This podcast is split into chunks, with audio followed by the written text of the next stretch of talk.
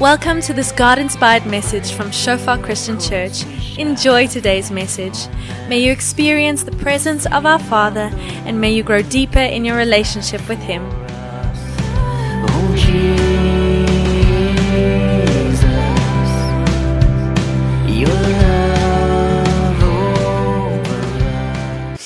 Ons is besig in so 'n klein reeks, Follow Me, 'n sermon series on discipleship. Dit is 'n preekreeks wat ons doen oor disippelskap.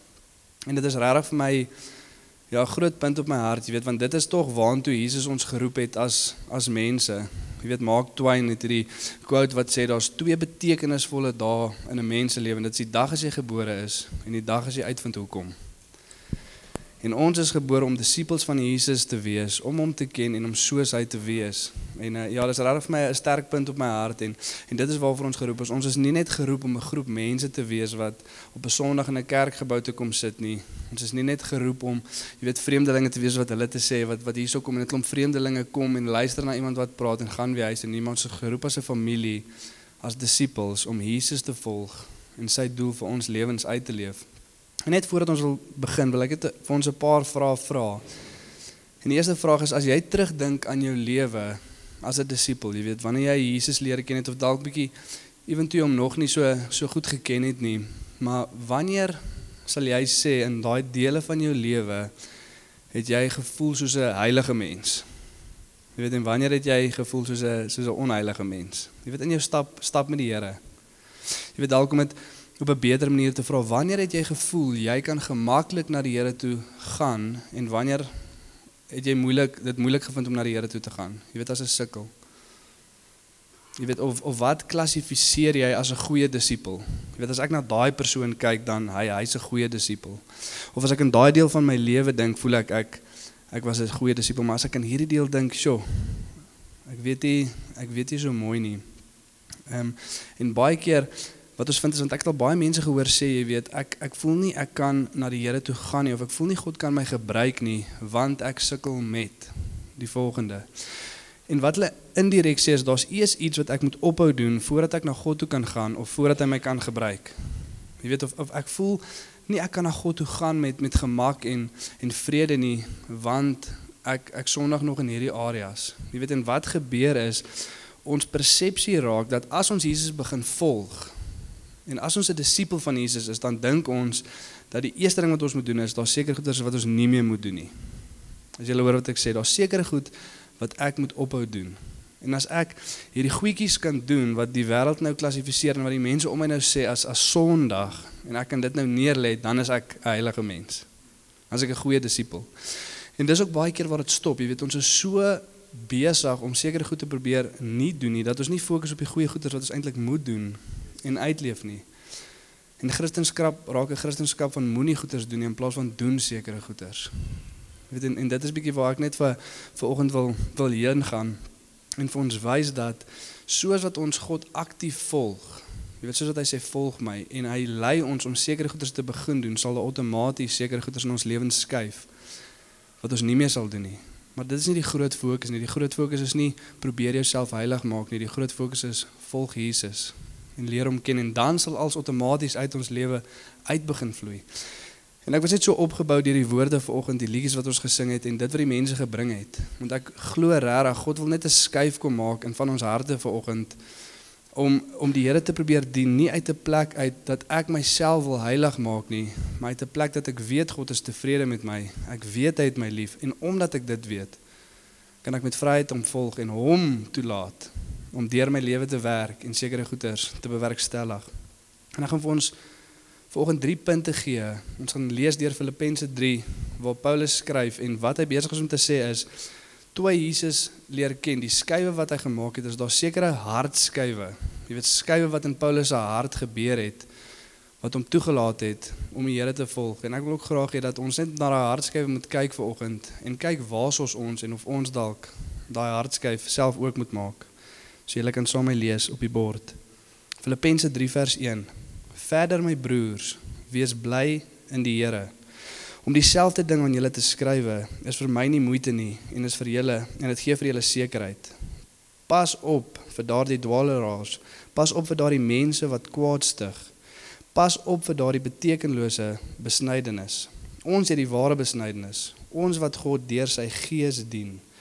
Ons wat ons op Christus Jesus beroem en nie op uiterlike dinge vertrou nie. Net om daar stil te staan vir 'n rukkie. Ek wil net hê julle moet 'n mental note maak van daai vers want ek gaan later terug na daartoe verwys, maar dit gaan nie op die bord wees nie. Dit sê daar ons wat God deur sy gees dien. Met ander woorde, deur die Heilige Gees wat in ons werk en ons krag gee, deur dit dien ons God. En ons vertrou nie op ons uiterlike dinge en ons eie krag om te doen wat die Here wil hê ons moet doen nie, maar ons word deur die Gees van God gelei. En dan sê dit in vers 4: Tog sou ek ook op uiterlike dinge kon vertrou. As iemand meen dat hy op uiterlike dinge kan vertrou, ek kan nog meer. Ek is op die 8ste dag besny van geboorte Israeliet uit die stam van Benjamin, 'n egte Hebreër. In wetsopvatting was ek 'n Fariseer. In my ywer 'n vervolger van die kerk, in onderhouding van die wet van Moses om vryspraak te kry, onberispelik. Maar wat eers vir my 'n bate was, beskou ek nou as waardeloos ter wille van Christus. Ja nog meer, ek beskou alles as waardeloos want om Christus Jesus, my Here te ken, oortref alles in waarde. Ter wille van hom het ek alles prysgegee en beskou ek dit as verwerplik sodat ek Christus as enigste bate kan verkry en ek en een met hom kan wees vrygespreek nie omdat ek die wet onderhou nie maar omdat ek in Christus glo dit is die vryspraak wat God gee omdat 'n mens in hom glo al wat ek wens is om Christus te ken die krag van sy opstanding te ondervind en deel te hê aan sy lyding deur aan hom gelyk te word in sy dood in die verwagting dat ek self deel sal hê aan die opstanding uit die dood. Ek sê nie dat ek dit alles al het of die doel al bereik het nie, maar ek span my in om dit alles myne te maak omdat Christus Jesus my reeds syne gemaak het. Broers, ek verbeel my nie dat ek dit alles het nie, maar een ding doen ek. Ek maak my los van wat agter is en strek my uit na wat voor is. Ek span my in om by die wenstreep te kom sodat ek in die hemelse prys kan behaal waartoe God my geroep het in Christus Jesus. Ons almal wat geestelik volwasse is, moet hierdie gesindheid hê. En as julle in enige opsig anders daaroor dink, God sal ook hierin aan julle die regte insig gee. In elk geval, laat ons koers hou op die pad waarmee ons tot hier toe gekom het. Wees my navolgers broers en let op die mense wat lewe volgens die voorbeeld wat ons vir julle stel. En dit is vir my so mooi, weet wat Paulus net op die einde ook sê is dat ons hierdie uitkyk moet hê dat as ons op 'n plek kom waar ons Jesus volg, ons moet onthou dat die mense wat na ons kom, jy weet al al is dit net jou kinders in die begin wat ons belangrikste disippels veronderstel is om te wees. Kyk mooi hoe jy leef want hulle gaan jou voorbeeld navolg. En ons moet op 'n plek aankom waar ons soos Paulus sê, kyk na my voorbeeld. Volg dit.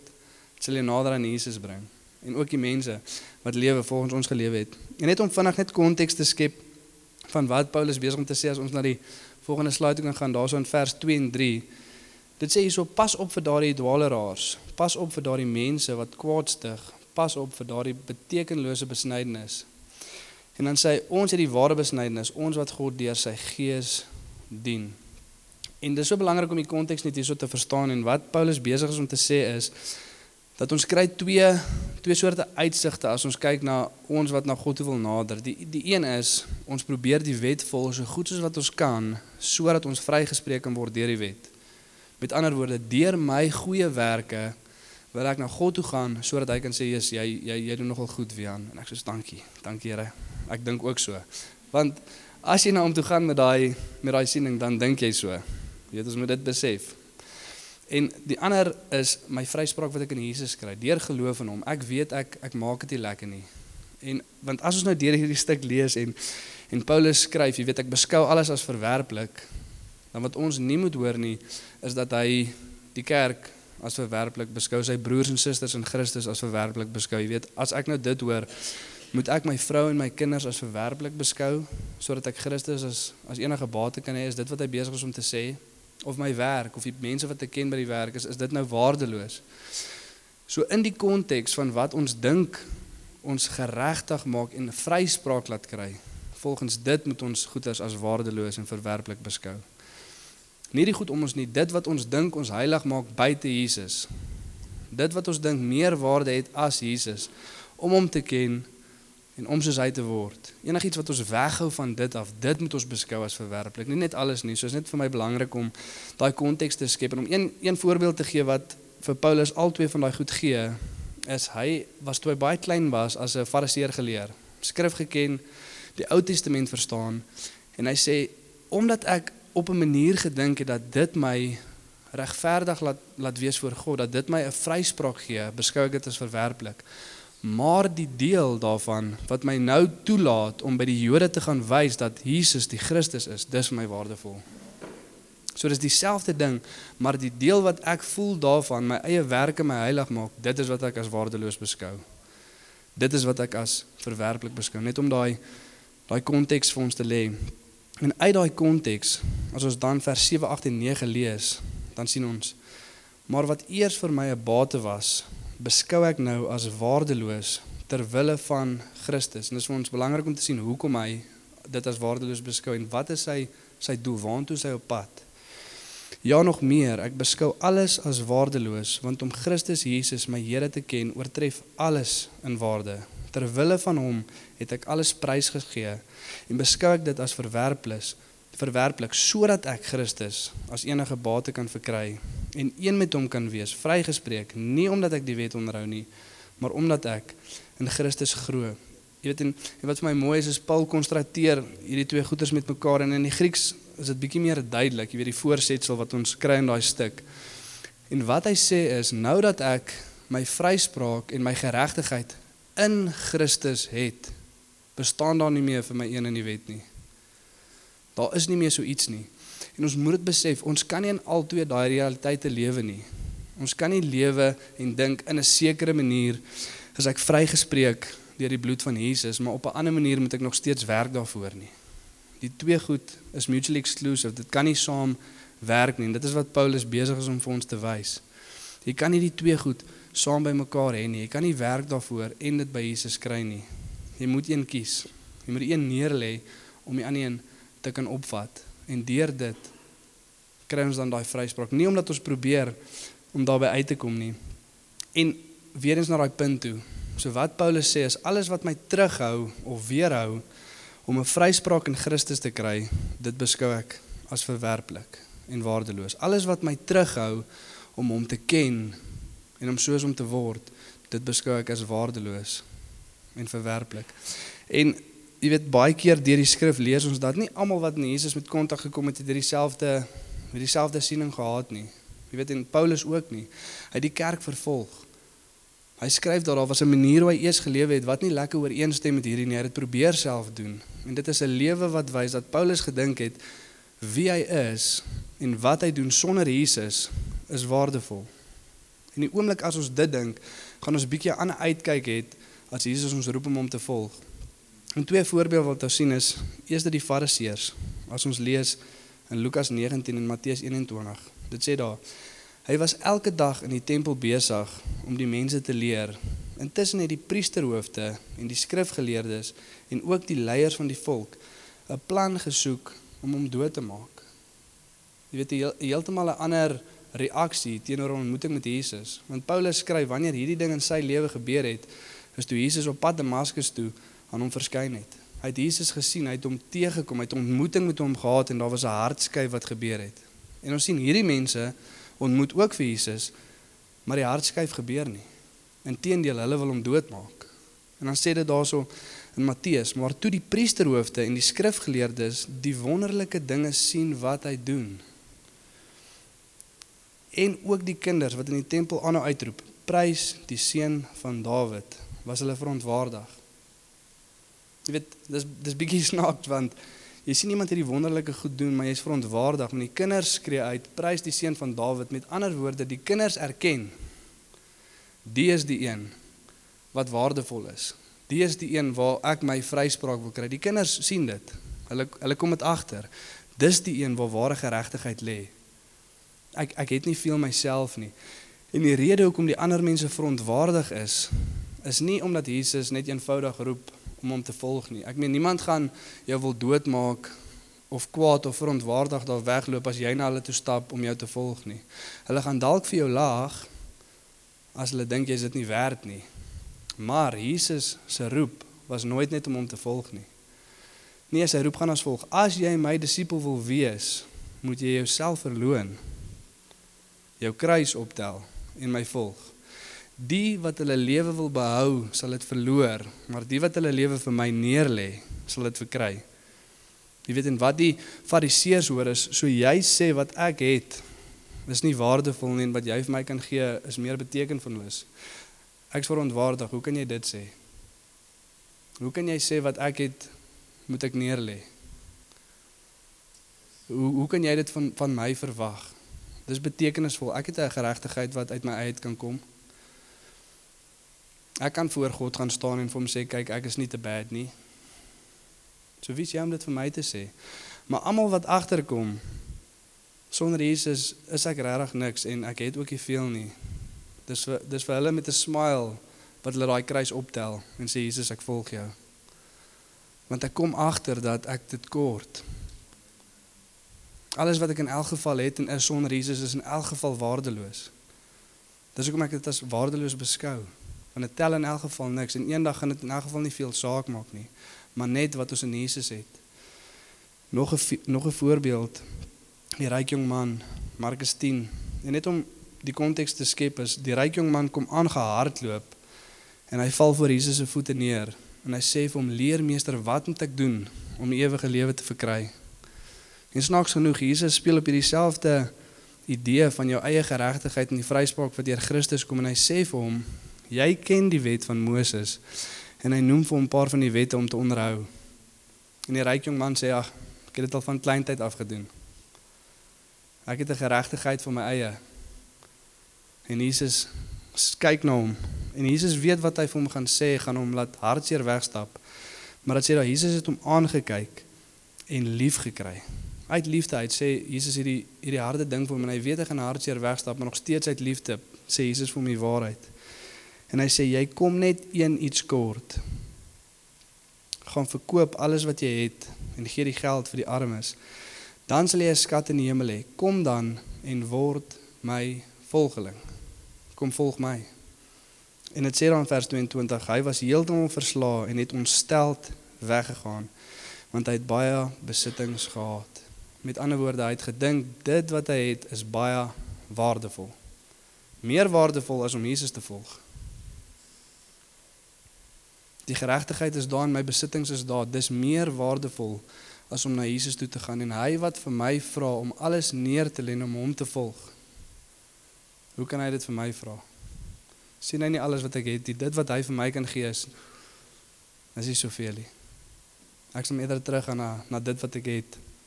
En jy weet net in hierdie konteks waar Paulus dan sou skryf, enige aardse besitting beskou ek as waardeloos en verwerpvol, want dit hou my weg van wat ek in Jesus kan kry. Ek lê dit neer, waardeloos om hom te ken en om soos hy te word. En dit vat ons na die eerste punt toe. Die hart wat Jesus volg, weet dat sonder Jesus is alles waardeloos. Dit sien en hierso moet ons na die kondisie van ons harte kyk en en ons siening van onsself want hoe ons onsself beskou gaan gaan bepaal hoe ons reageer as Jesus ons roep om als neer te lê en om te volg. As ons dink dat dit wat ons het en dit wat ons is sonder Jesus waardevol is, dan gaan ons ook hartseer en verontwaardig wegstap. Jy weet, miskien kan jy dink dalk in sekere dele van jou lewe as as Jesus daai knoppie kom druk en hy kom vra jou om sekere goederes neer te lê, miskien voel jy nog steeds verontwaardig. Jy weet 'n groot ding vir ons in ons materialistiese wêreld as Jesus daai knoppie kom druk by die finansies. Verontwaardig, hoe kan hy van my vra om dit neer te lê? Ek het dan daarvoor gewerk. Dis vir my dis vir my te waardevol. En pasop want Paulus sê beskou daai goed as waardeloos want dit gaan jou weghou van dit wat jy in Jesus kan kry. Jy sien, dit is 'n hartskyf wat moet gebeur want die eerste hartskyf sê ek wil nie Jesus ken en soos hy word nie. Ek wil hê mense moet my ken en soos my word.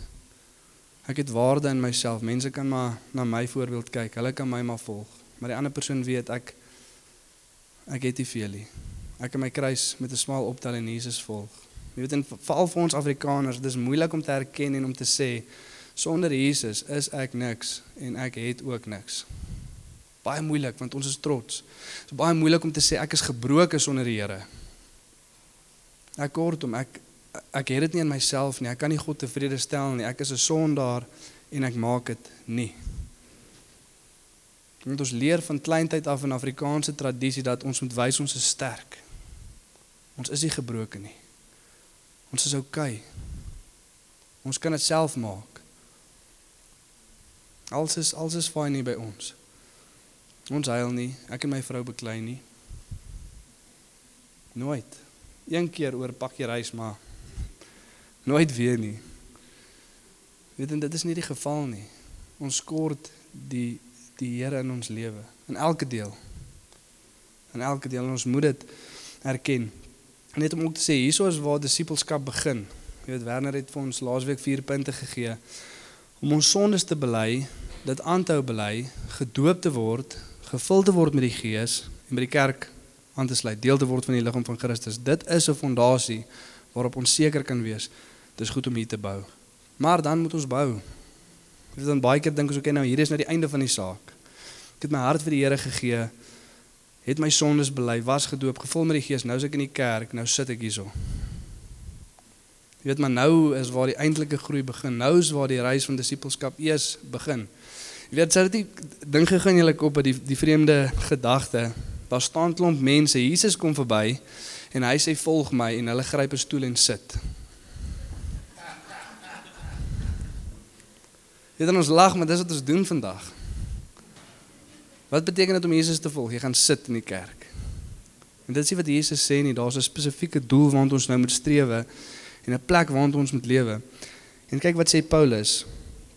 Is hierdie is hierdie doel waarna ons onsself moet vooruitstrek. Dit sê in vers 10 en 11: Al wat ek wens is om Christus te ken die krag van sy opstanding te ondervind en deel te hê aan sy lyding deur aan hom gelyk te word in sy dood in die verwagting dat ek self deel sal hê aan die opstanding uit die dood. So ek skryf ek wil hierdie goeders doen want ek wil eendag saam met Jesus wees. En hy sê nou dat die reis begin het, dit is dit is nou waartoe ek op pad is. Dit is die doel. Dit is die wenstreep. Dis waartoe ek op pad is en dis hoe ek daar gaan kom. En hy praat van drie goed. En dit sê eerste daaroor al wat ek wens is om Christus te ken. En net om dit duidelik te maak van die begin af, dit is nie net 'n kop kennis nie. Dis nie net 'n gaan lees 'n boek oor hoe Jesus was en is en nou nou ken ek Jesus nie nee, maar dit is 'n 'n intieme kennis, 'n verhouding met die Here. Dit is waarvan hy praat. En ons lees in Johannes 17 vers 3 dat dit is die ewige lewe om God te ken en Jesus Christus wie hy gestuur het. Om 'n intieme verhouding met hom te lewe. Dit is die ewige lewe. Nie om te sê jy glo in hom nie, dit begin daar. Ons bely met ons mond en ons glo in ons hart en so word ons gered. Maar uit daai verhouding met Jesus, dit is die ewige lewe om hom te ken. Ek gaan nie te veel in diepte ingaan vandag nie, net vinnig hierdie noem. Die tweede ding, die krag van sy opstanding te ondervind en dis tweevoudig. Dis eerstens nou sy krag in en deur ons. Ons lees in die skrif dat dieselfde krag wat Jesus uit die dood uit opgewek het, lewe in ons soos om dit nou te ondervind. Hierdie krag lei ons, dit gee ons die krag om Jesus te volg, om hom te ken en soos hy te word. En dan tweedens as Jesus terugkom, gaan ons letterlik uit die dood uit opstaan. En ons gaan nuwe lywe kry wat hy dit sê in hierdie selfde stuk in vers 21. As hy terugkom, dit is ons hoop dat ons deel sal hê van daai opstanding uit die dood soos Paulus skryf. Voor hom sal staan in sy geregtigheid en in sy vryspraak en ewigheid saam met hom in die hemel te hê. En dan die derde deel wat ons nie soveel vandag hoor en wil hoor nie en deel te hê aan sy lyding deur aan hom gelyk te word in sy dood. Ek meen dit is ietsie wat ons dalk so almal kan gaan en op ons Facebook status post my doel vir die week om deel te hê aan die lyding van Christus. Deur aan hom gelyk te word in sy dood. En wat dit daar besig is om te sê is soos wat ons moeilike tye deur gaan gaan. Die Bybel sê moenie moenie dink dit is ietsie snaaks as moeilike tye oor jou pad kom nie. Dit gaan gebeur. Petrus skryf: "Wees bly as moeilike tye oor jou pad kom, want dit gaan jou geloof toets en dit gaan jou geloof versterk." En wat gebeur is dis deur hierdie moeilike tye waardeur die Here ons vat, waar die krag in ons Wat deur die Heilige Gees kom, onthou daai vers 3. Ons wat die Here deur sy Gees dien, is daar waar die Heilige Gees kom en ons die krag gee om meer soos Jesus te lyk in situasies waar dit baie moeilik is. Jy weet een van die pastore die week by ons pastor saam het gesê die vrug van die Gees manifesteer die meeste in die teenoorgestelde situasie of omgewing. As jy vir die Here vra, "Jesus Here, laat ek mense gaan wys hoe U ons liefhet," dan gaan hy na mense toe stuur wat jou haat. Jy haat my, maar ek sal jou wys onvoorwaardelike liefde van Christus. Ek sal jou nog steeds lief hê. Geduld, Here, ongeduldige tye wat voor lê. Want deur dit wys ons die vrug van die Gees wat deur ons werk en so word ons aan Jesus gelykvormig in sy dood. Jy weet want dis die dis die roep, lê jouself neer, verloon jouself, tel jou kruis op en volg my. Sterf in jouself, lê die ou self neer, tel die nuwe self op wat soos Jesus lyk om hom te volg en om soos hom te word. Maar dit alles begin by die feit dat ons Jesus wil leer ken en, en let wel dat al hierdie goeters is 'n Christendom van doen. Dis nie goeters wat hy skryf hy nie meer wil doen nie. Hy sê ek wil nie meer regtig die manier van die wêreld ken nie. Of ek wil nie meer regtig soos my ou self wees nie. Hy sê nee. Ek wil Christus ken en ek wil soos hom word. Deur dit gaan ek sekere goeders neerlê en nie meer doen nie, maar hierdie is wat ek wil doen. Dit is die hoof, hoofsaaklike fokus en punt. Dit is waartoe ek werk. En dit begin als met 'n begeerte om Jesus te ken. As ons na die volgende slide toe kan gaan. Dit sê dan 2 Petrus 1 vers 3. Deurdat ons hom regtig ken, het sy goddelike krag ons alles laat kry wat ons nodig het om naby aan hom te wees. Nou, wie dink dit is is dit nie andersom nie? Jy weet jy dink al moet hierdie nie andersom wees nie. Deurdat ons hom regtig ken, kan ons naby aan hom wees. Jy weet dis is om te sê deurdat ons hom ken, kan ons hom ken. Omdat ons hom ken, het ons krag om hom te ken. Jy weet en wat die Here vir ons besig is om te probeer sê is al wat ek wil hê is jy moet ja sê om my te ken en 'n begeerte hê om my te ken en ek sê jy die krag gee om dit te doen. Dit is dit is wat hy vir ons probeer sê. Ek sal vir jou die krag gee om te doen. My goddelike krag, daai krag van sy opstanding, daai deure deur die Gees dien. Dit is wat jou sal lei om naby aan my te wees. Al wat ek wil hê is jy moet ja sê en 'n begeerte hê om my te ken. Ek sal die, ek sal die res doen. Ek sal jou die krag gee om my te volg. En dis hier waar die vyand inkom en en geneig is om 'n skuif in ons koppe te wil laat plaasvind waar ons dit uit ons eie krag uit wil doen. Ons wil hom volg en dis waar dooie godsdiens inkom en 'n slaafmentaliteit. Weet ons ons ry dit om ek wil soos die Here word sodat hy my kan aanvaar en my toelaat om hom te ken. Jy weet dit werk hier so nie en baie keer as ons hierdie 1 Johannes 2 vers 6 lees dan dan kry ons half so so 'n bietjie gevoel van dit. Dit sê die wat beweer dat hulle in 'n noue verbintenis met hom leef, moet self ook leef soos hy geleef het. Jy weet in die vyand kom en hy wys vir daai plek in jou lewe waar jy nie regtig lekker soos Jesus lyk nie. Jy weet die, die vrugte van die Gees is is nie so oorvloedig in daai area nie. En wat ons geneigtheid dan is om te doen is ek gaan harder probeer uit my eie krag uit om in hierdie area te werk sodat God tevrede met my kan wees. Ek gaan ek gaan probeer hard werk en dit lei tot ons wat moeg is. Sodat van ons vanoggend gesê het ons voel moeg en oorlaai. Maar die Here sê elke keer as jy na my toe kom, moet jy die teenoorgestelde ervaar. Verligting in die gees. Las is lig, nie swaar nie. En ons kan weet dat ons dit dan uit die verkeerde plek uit probeer doen. En is 'n mooi ehm um, ding wat William Temple skryf in die 1940s en hy sê as jy vir my vra om 'n play te skryf soos Hamlet van Shakespeare, ek kan dit nie doen nie. Shakespeare kan dit doen.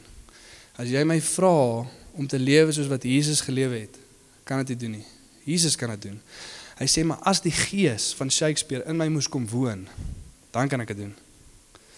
So as die gees van Christus in my kom woon, dan kan ek dit doen. Deur die krag van God kan ons dit doen. Deur die begeerte om vir hom te sê, ja Here, ek wil U ken, ek begeer om soos U te wees, kom help my. Sê hy, deur my krag sal ek jou toelaat om dit te kan doen. En dit vat ons na die tweede punt toe. Die hart wat Jesus volg, se begeerte is om Jesus te ken en aan hom gelyk te word, soos hy te word. En onthou dat dit is in daai volgorde. om hom te ken en soos hy te word. Nie soos hy te word sodat hy kan toelaat dat ons hom ken nie. Dit werk nie daai manier om nie. Die Here wil regtig daai skuif kom laat plaasvind in ons midde. Daai hartskuif na daai plek toe. Jy weet en, en hierdie is die doel van van disippelskap. Is om Jesus te ken en soos hy te word. En ons gaan dalk later in die reeks bietjie meer kyk wat dit beteken in diepte. Bietjie meer hoe dit lyk. Jy weet ons is geroep om soos Jesus te word in karakter en bediening. Jy weet hoe hy was en wat hy gedoen het. Ons gaan dalk bietjie meer kyk oor hoe dit lyk. Jy weet hoe hoe dit gelyk hoe Jesus was. Wat was die karakter? Wat was die vrug wat uit hom uitgekom het? Jy weet vergifnis, liefde, onvoorwaardelik met die mense om hom en wat het hy gedoen? Hy het die nasies bereik en mense na homself te getrek en ons gaan later bietjie meer na dit kyk. Weet en soos ek gesê het, dis hierso waar baie keer ons kom tot in die plek met die genade van die Here en dan kom ons tot 'n plek waar ons weer omdraai. Ons het nou net besef dat dit is nie deur werke wat God tevrede is met ons nie en dan maak ons baie keer weer daai omdraai na werke toe. En die oomblik as ons dit doen, dan klim ons weer uit die genade van die Here uit want Paulus skryf jy kan nie altyd hê nie. Dis of 'n geregtigheid in Christus of een in die wet. En as ons na die volgende slide toe kan gaan en al wat ek wil hê is julle moet net oplet, jy weet wie's besig om te skryf en wat hy besig is om te skryf. Hierdie is Paulus wat besig is om die Nuwe Testament te skryf.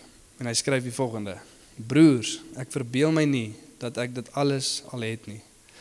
Maar een ding doen ek. Ek maak my los van wat agter is en ek strek my uit na wat voor is. Ek span my in om by die wenstreep te kom sodat ek die hemelse prys kan behaal waartoe God my geroep het in Christus Jesus. Ons almal wat geestelik volwasse is, moet hierdie gesindheid hê. En as jy in enige opsigte anders daaroor dink, God sal ook hierin aan julle die regte insig gee. Jy weet en Paulus sê drie goed hierso. Jy weet ek is op pad iewers heen en ek wil hom ken en ek wil soos hy word, maar ek is nog nie ek's nog nie heeltemal daar nie en dis oukei. Okay. Dit is oukei okay om nie om nie heeltemal daar te wees nie. Ons gaan nooit lekker heeltemal daar wees nie tot die dag wat Jesus terugkom. Dis oukei. Okay. Ons maak dit nie en dis oukei. Okay. En party van ons moet dit hoor vanoggend en besef vanoggend en en hart toe vat. Dis oukei okay om nie oukei okay te wees nie. Ons ons gaan dit maak. Ons ons wil soos hy wees en ons wil hom ken en dis oukei okay as ons heeltemal daar is nie. Weet en dan skryf Paulus nog 'n ding. As jy dink jy is daar, dink weer. Jy, ek love die woorde wat die Afrikaans gebruik. Ek verbeel my nie dat ek daar is nie. As jy dink jy's daar, verbeel jy dalk jouself. Jy jy jy is nie lekker lekker daar nie, maar moenie worry nie sê hy. God sal ook hierin aan julle die regte insig gee. As jy jouself verbeel, God sal jou baie vinnig kom wys jy verbeel net jouself.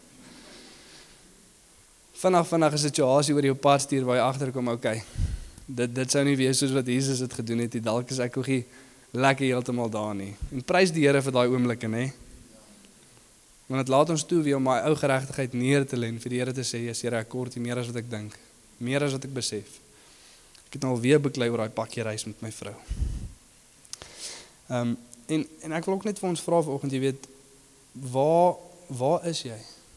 Jy weet, is jy op daai plek waar jy dalk dink jy jy is daar? En ons moet dan met eerlikheid na die Here toe gaan en vir hom kom vra, Here, kom gee ons daai ander insig voordat daai ding oor my pad kom. En ek hard besef, ja, ek is nie daar nie. Of is ons moeg? Moeg probeer om by die Here uit te kom en vir hom te gaan wys dat ons oukei okay is. Weet jy ons wil gaan en ons wil voor die Here staan, Here, kyk, hier's ek, ek's perfek. En hy wil vanoggend vir baie van ons sê, jy is nie en dis oukei okay, want ek is.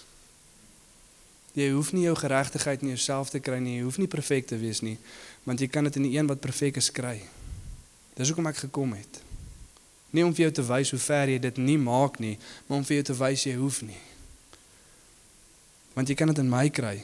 Geregtigheid in my, vryspraak in my hou op so hard probeer. Jy hoor ons 'n liedjie wat sing, hou op so hard probeer verdien wat God verniet vir jou gegee het. Ons kan dit nie doen nie. Ons moet dit dit omdraai. Jy weet net wat baie keer gebeur is een van die pastore ook die, die week vertel vir ons 'n storie van van ehm um, sendelinge op in Afrika en in waar was dit nou spesifiek gewees? Indië. So hulle gaan na 'n skool toe om opgerig te word om sendelingwerk te gaan doen en dit vat hulle 4 tot 5 jaar om opgerig te word. So ons baie tyd, baie moeite, baie geld wat wat wat in hierdie mense gebestee word sodat hulle kan uitgaan en mense van die Here vertel. Meeste van hulle kom terug in 3 maande uitgebrand. Kan nie meer nie. En die een wat die langste bly bly so 9 maande. 9 maande dan kom hulle terug uitgebrand ons kan nie meer nie. Ons kan dit nie meer doen nie ons ons het amper ons eie verlossing verloor half. Ons weet nie eens meer of ons saak met die Here reg is nie. Nietemin iemand anders probeer na die Here toe lei nie. En wat hulle toe gaan doen is hulle gaan kyk na die lewe van Jesus en sê okay, maar hoekom het Jesus so vrugvolle bediening gehad? Hoekom was hy so produktief? Hoekom kon hy aanhou? Weet wat was die die siklus in die lewe van Jesus? En as ons na die volgende slide toe kan gaan, jammer dat dit nou in Engels is, maar hulle noem dit 'n cycle of grace. Hulle sê dit is hoe Jesus beweeg het van 'n plek van aanvaarding, acceptance. Toe hy sy bediening begin, het hy die volgende woorde gehoor wat God die Vader oor hom spreek. Hierdie is my geliefde seun en in in, hom het ek 'n groot welbehae. Ek is tevrede met jou. Jy's geliefd. Jy is geaanvaar nog voordat hy enigiets gedoen het. Dis waar dit begin. En vanuit daai plek uit gee dit vir hom 'n volhoubaarheid dat hy dag na dag na die Vader toe kan gaan, sustenance. En by God die Vader kan gaan inplug. Tyd saam met hom kan spandeer want hy weet hy is klaar aanvaar deur die Vader. Hy hoef nie daarvoor te werk nie. En in daai plek kry hy sy significance, betekenis. Ek weet dat my lewe klaar betekenis het en dat dit terugwys na God die Vader toe. En daarom is hy baie produktief en vrugtevol. Nou gaan kyk hulle nou onderhoud hulle hierdie mense wat teruggekom het hierdie sendeling. Hulle vra bietjie vra en hulle kom toe agter dat wat hulle doen en wat ons doen, wat ons lei na uitbrand is. Ons wil baie vrugvol en produktief wees sodat ons kan dink ons lewe het betekenis en ons probeer dit volhou sodat die Vader ons kan aanvaar. Andersom. Jy weet dit dit maak my hart seer want ons is nie geroep om so te lewe nie. Weet ons baie van ons wat vanoggend moeg is. Jy weet en baie keer in jou lewe is jy op 'n plek van ek wil na die Vader toe gaan maar ek ek voel nie ek kan nie. Ek voel nie hy aanvaar my nie want dit wat ek na die tafel toe bring is nie genoeg nie. En hy sê maar ek het jou geroep om niks om toe te bring nie. Ek het jou nie geroep om iets te kom neerlê sodat ek jou kan aanvaar nie. Die skrif sê vir ons in Romeine 5 vers 8 dat God het sy liefde vir ons gewys in dat Jesus vir ons gesterf het terwyl ons sondaars was. Voordat ons enigiets gedoen het. Hy sê ek's lief vir jou. Ek aanvaar jou. Ek wil jou by my hê en ek wil hê dat jou lewe betekenisvol moet wees. Dit is die hart van die Vader teenoor ons. En dit vat ons na die laaste punt toe. Die hart wat Jesus volg, doen dit uit 'n plek van aanvaarding. Jy weet Paulus skryf in vers 9, ek probeer nie langer my my saak met God regstel deur die wet onderhou nie, maar deurdat ek in Christus Jesus glo. Ek's vrygemaak van daai daai goed wat my uitbrand en my moeg maak. Want ek ek hoef nie so te lewe nie want Jesus het gekom om dit vir my te doen. Jy weet en dit is die evangelie. Dit is die goeie nuus van Jesus Christus dat hy het gekom om reg te maak wat ons verloor het in die tuin van Eden in verhouding met God in die beeld van God om die doel van God uit te leef. En ons verloor al alles. En Jesus sê hy kom en omdat hy gesterf en opgestaan het, kan jy sonder enigiets wat jy hoef te doen weer verhouding hê met die Vader. En soos wat jy hom soek, sal hy jou weer verander in die beeld van God. Hy sal jou weer laat lyk soos Jesus sodat jy weer die doel wat God vir jou lewe het kan uitleef. Dis die evangelie. Ons hoef niks te bring nie en ons moet dit nie anders om probeer doen nie want dit gaan nooit werk nie. Moet en kyk wat skryf Paulus die laaste stuk. Ek wil dit vir ons lees en dan kan ons opstaan vanoggend.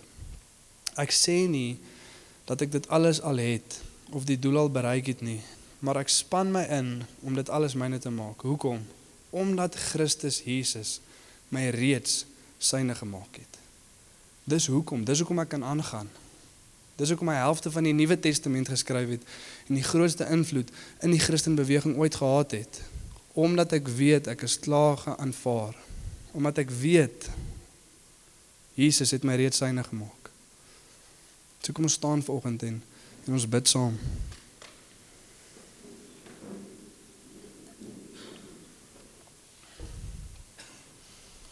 En daar waar ons staan vanoggend wil ek net hê jy moet jou oë toemaak.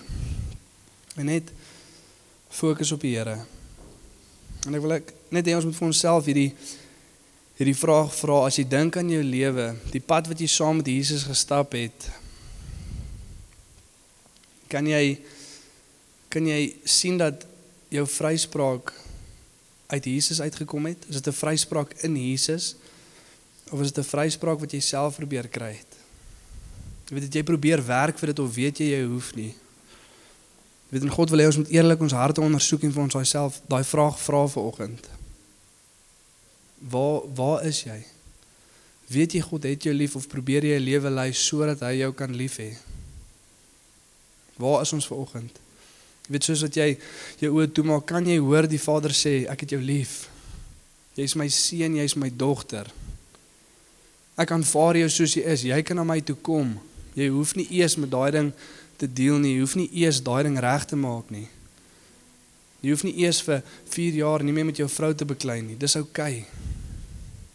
Dis oukei. Okay. Ek weet die verhoudings met die mense om jou is nie altyd reg nie. Ek weet die manier hoe jy optree is nie altyd reg nie en dis oukei. Okay. Ek weet nie ek weet jy lyk nie dalk so baie soos Jesus wat jy wil nie en dis oukei. Okay. En die Vader spreek daai woorde oor ons vanoggend. Ek aanvaar jou. En jou het ek 'n groot welbehae. Jy's my seun, jy's my dogter en ek is tevrede met jou. En hy staan nie ver en hy skree dit vir jou nie, maar hy staan reg voor jou met oop arms. En sy begeerte is dat soos wat hy daai woorde oor jou spreek, jy na hom toe sal gaan en in sy arms in sal hardloop. Jy sal sê dankie Vader. Ek wil U ken en ek wil soos U soos U word. En dankie dat ek dit nie uit my eie krag uit te doen nie. Dankie dat U deur my werk om dit te doen.